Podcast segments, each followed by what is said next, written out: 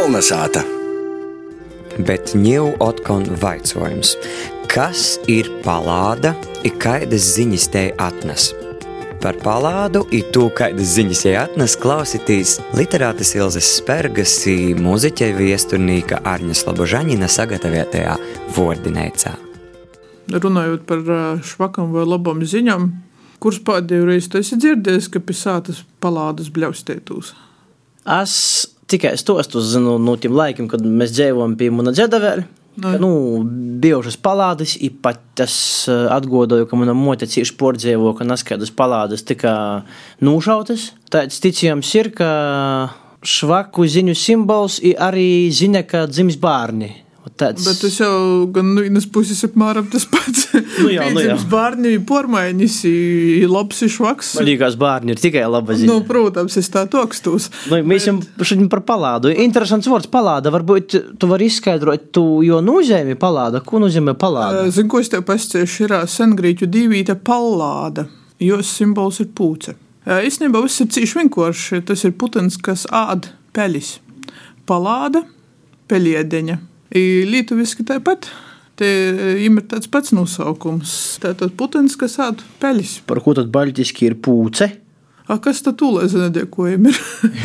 nu, kas tad tūlē zina? Nā, nu, kā, kurā, kā, kurā pusē acīm redzot.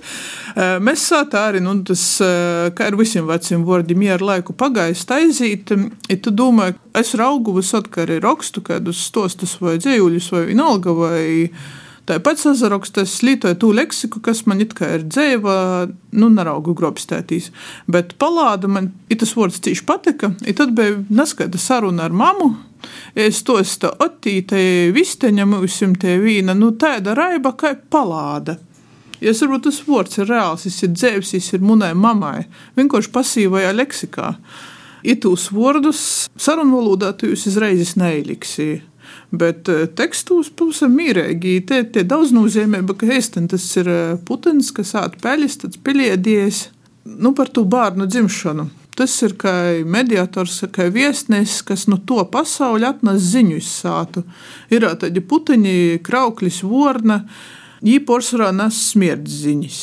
Bet arī palāda bet arī palāda. Tajā pašā laikā pacients stārķis, tas ir tā kā labu ziņu nesies.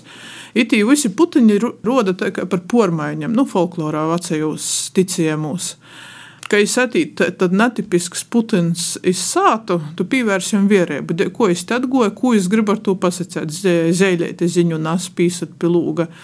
Palāda ja ir tāda divdabīga nozīme. It kā cilvēki jos beigstās, ka viņi varētu būt ar veļu pasauli saistīta, reizē, ka ir gudrības simbols, ir kaut kādi veci priekšstati par jūkai, par tādu gudrības, vīduma, zinošanu, kā simboli īt cauri laikam, cauri tautam, cauri kaut kādam paudzēm. Bērns pīdzimst vai cilvēks nomirs faktiski folkloras vai mitoloģiski izpratnē ir viens pats tos ir izmaiņas. Par to miršanu ir tā, ka tev taisnība, ka daudzos tautos palāda ir uh, smierts simbols. Es varu pasakāt, ka Amerikas indiāņi vienlaicīgi uzskatīja, ka gudrību, bet vienlaicīgi arī smierti. Tāpat arī kelti, franču priekšteči, arī mm. uzskatīja, ka tas ir uh, nakts rogonu un līķu putns. Ķīna arī ir švaku ziņu nesēja.